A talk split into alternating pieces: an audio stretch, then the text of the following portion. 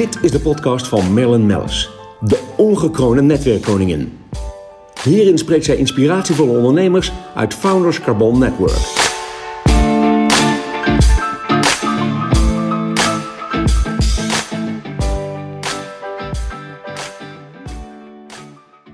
Voor mij zit de winnares, Wintrade Global International Businesswoman 2018. Welkom uh, Marion Chin, Tan Chin, ik moet het nu goed zeggen. Dankjewel. Um, eigenlijk veel belangrijker, jij bent uh, ja, onze FCN Asia Connection. Uh, Founders Carbon Network, eigenlijk alle leden kunnen bij jou terecht hè, als ze met hun product uh, in China ja, aan, aan de slag willen en, en poot aan de grond willen krijgen, letterlijk. Dat klopt. Um, ja. Ongelooflijk welkom. Heel leuk dat je er bent. Dankjewel. Um, hoe, nou, we werken natuurlijk al, al nou ja, bijna tien jaar nu, nu samen. Ja. Uh, heb jij. Ongelooflijk, uh, hè? Ja, ongelooflijk. Ontzettend Het voelt zo goed om je ook weer hier te zien nu in Nederland. Je bent natuurlijk ook hier nu vanwege. we zitten nog steeds met de COVID-19 uh, te worstelen. Ja. Maar hoe is het nu in China? Want als iedereen natuurlijk heel benieuwd naar gewoon iemand ja. van, gewoon een soort van live verslag van jou. Ja, nou ben ik daar natuurlijk zelf niet recentelijk geweest. Ik ben ook al acht maanden in Nederland. Erg onwennig moet ik zeggen. Ik uh, mis het ook wel heel erg. Maar tegelijkertijd heb ik natuurlijk dagelijks contact met China. En daar gaat het heel erg goed. Want jouw team zit daar, hè? begrijp ja, ik. Ja, mijn team zit daar. Vanuit Shanghai uh, reizen we ook weer heel China door. Uh, je ziet nog wel dat de Chinezen binnen China blijven en niet naar het buitenland gaan.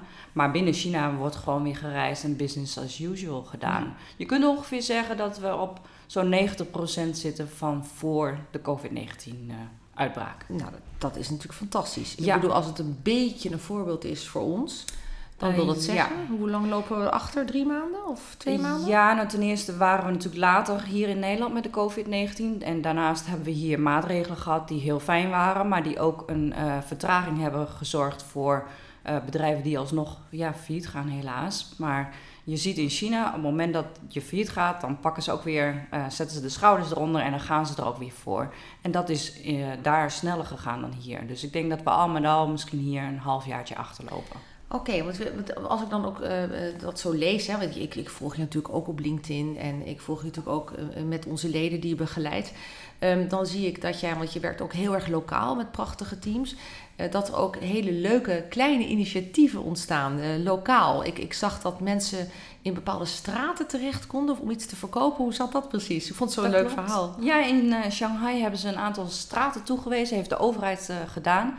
Waardoor mensen een soort vrijmarkt konden beginnen in die straten. Daar mochten ze gewoon hun uh, dingetjes gaan verkopen.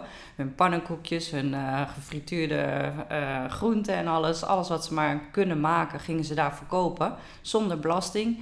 En je zag ook dat de lokale bevolking werd opgeroepen om daar juist heen te gaan. Om, om te gaan eten buiten de deur en de mensen te steunen. Dus ja, heel erg echt leuk. heel leuk. Ja. Ja. Nou, zo zie je, ieder, uh, ieder land, ja. ieder continent is uh, heel, ja, dat zie je toch ook heel creatief bezig. Ja. Nou ben jij natuurlijk wel ook gespecialiseerd hè, in een aantal industrieën die je vanuit Europa en vanuit Nederland...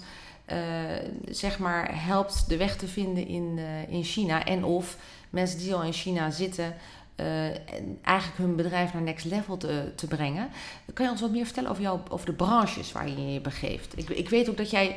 Je hebt ook uitschieters hoor, naar links en naar rechts. Klopt. Maar je hebt natuurlijk ook bepaalde expertise opgebouwd. Ik, ik, Klopt. Food, weet ik, dat is een hele grote. Ja, van oudsher is food en agri altijd al een belangrijke exportmarkt geweest. En zeker voor China. Dat is eigenlijk de, de industrie die als eerste naar China ging vanuit Europa.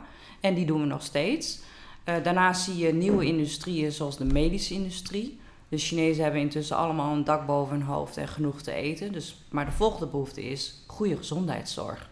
En uh, daar zie je dat we als Nederlander toch in, als Nederland ook nog erg vooruit lopen. Dat we met onze apparatuur en techniek en kennis van de medische wereld China kunnen helpen om het daar op een hoger niveau te brengen. Heb je voorbeelden van apparaten of van bepaalde technieken? Ja, een van onze klanten heeft bijvoorbeeld een apparaat dat uh, speciaal uh, geschikt is voor apothekers binnen de ziekenhuizen. En die uh, registreren dan de foutkans, of eigenlijk halen de foutkans eruit voor de medicijndistributie. En in China is dat nog geen must, maar je ziet dat een aantal ziekenhuizen willen tonen dat ze zo'n machine hebben, waardoor ze dus betere kwaliteit leveren aan de patiënten die ze eh, die ze daar hebben liggen. Maar goed, als ik dan kijk naar het aantal inwoners en, en eh, Ja. de, jouw, eh, jouw, jouw branche, zeg maar, die je daar vertegenwoordigt, dan, dan staat er nog een hoop te doen. Ja, er is zeker nog een hoop te doen, maar dus ook heel veel kansen nog voor Nederlanders ja, daar. dat bedoel ik. Dat, ja. Ja. jij bent natuurlijk altijd wel, jij, jij, jij, zegt ook altijd van als we geen kansen hebben, dan creëren we hem, want er is gewoon vraag naar. Ja. Het is ook zo dat, heb, hè, dat hebben wij uit ervaring, eh, hebben we dat mogen eh, ontdekken bij jou, dat jij ook gewoon inderdaad al in het eerste intakegesprek kunt aangeven, goh, joh, je hebt ook kans met dit dit product om Ja. eh, die en die regio's of markten te veroveren. Precies. Natuurlijk bijster interessant. Ehm, als je nu kijkt, eh, China gaat steeds meer, dat lezen we natuurlijk ook, maar ook steeds meer in eigen land consumeren en haalt het niet meer van over de grens. Ehm, eh, maar dan zeg je dus de uitblinkers zitten omdat ze inderdaad in een stukje techniek Ja. en nog andere zaken waar zij dus Ja. nog heel erg in eh, achterlopen. Ja, techniek, maar ook eh, samenwerkingsmogelijkheden met Chinese bedrijven lokaal. Dat zou ook een mogelijkheid zijn. Hè?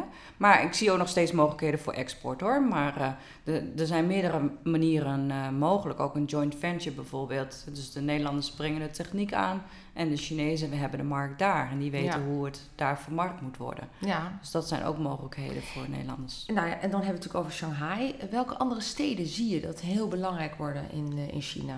Ik verwacht dat Chongqing erg gaat groeien. Een hele grote, het is eigenlijk de grootste stad van de wereld hè, met 35 miljoen mensen.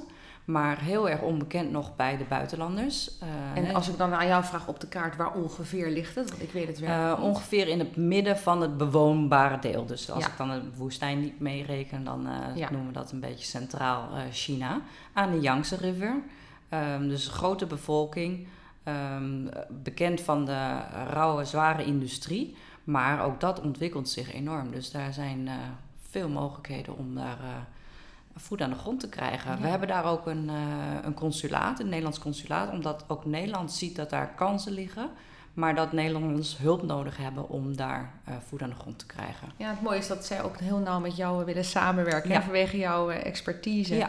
Ehm, even, pak hem nog even terug, want ik opende met jouw award. Hoe kwam je aan dit award? Aan het Wintrade Global International Businesswoman Award. Ja, ik En ben- waar werd zoiets uitgereikt? Vertel. Dat was in Londen, was heel interessant. Uiteindelijk waren er 500 vrouwen eh, genomineerd. eh, Worldwide. in- worldwide, uit de hele wereld. Helemaal trots. Ja, En uit, toch, eh, Ja, hè, toch?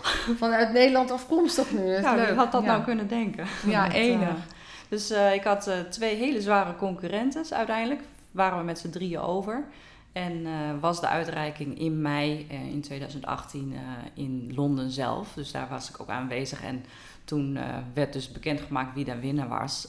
En dat was ik. Dus Ja.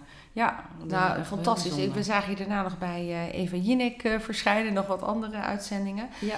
Wat brengt jou nou zo'n zo'n award? Ehm, het, het is voor mij de manier om mijn missie eh, nog meer tentoon te spreiden. En mijn missie is om de cultuurverschillen te overbruggen tussen Nederlanders en Chinezen en daardoor business mogelijk te maken. Ik heb heel veel gehoord dat eh, zaken doen in China lastig is en eh, soms onmogelijk. En mensen die zeiden de Chinezen zijn allemaal leugenaars. Nou, dat is niet waar. Het is een kwestie van cultuurverschillen. En ik denk dat wij, nou ja, dat weet ik wel zeker. Ik met mijn twee culturen eh, weet dat te overbruggen en ook te verklaren. En als je weet waarom Chinezen bepaalde dingen doen, dan is het ineens zo gek niet meer. En dan, als je begrip voor elkaar hebt, kun je ook zaken doen. Precies. En dat is waar we voor gaan, resultaten. Nou ja, ik vind het een mooie slotsom van, eh, van deze korte podcast. Ja, Heel veel dank dat ik Ook jou bedankt. hier weer mocht verwelkomen vandaag. fijn je En dit. enorm veel succes. En wij horen graag eh, weer van je. Want ik ga je natuurlijk wel over een jaar weer vragen om te komen. Want ik ben heel nieuwsgierig hoe het zich allemaal ontwikkelt daar in China. Zeker. En goede reis voor zodra als je weer mag. Ja, dankjewel. Tot ziens, dag. Dag. Volg ons op Spotify en Soundcloud onder Merlin Mellis.